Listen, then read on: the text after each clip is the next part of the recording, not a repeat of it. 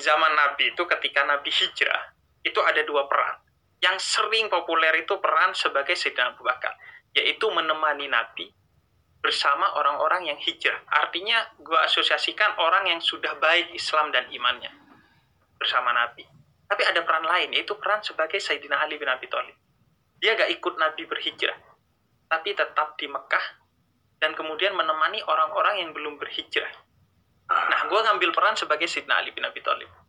Menemani orang-orang yang belum berhijrah, yang belum baik Islamnya, yang belum baik imannya, untuk kemudian uh, mengerti Islam dan perkara kemudian mereka uh, berislam dengan atau baik tidak, atau enggak itu bukan urusan gue bagi gue. Itu bukan urusan lo. adalah menyampaikan. Oke, okay, jadi jadi maksudnya ketika uh, seseorang akhirnya berubah atau tidak itu uh, dirinya sendiri udah pilihan dirinya sendiri gitu ya. Pilihan dirinya sendiri dan itu memang kedaulatan yang diberikan Tuhan kepada setiap orang.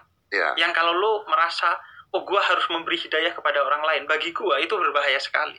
Karena memberi hidayah itu hanya Tuhan yang punya. Bukan manusia. Bukan manusia.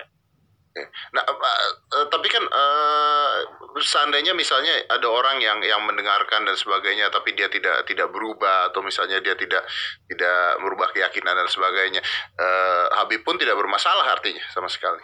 Tidak bermasalah bagiku. Dan yang tetap berteman. Tetap berteman.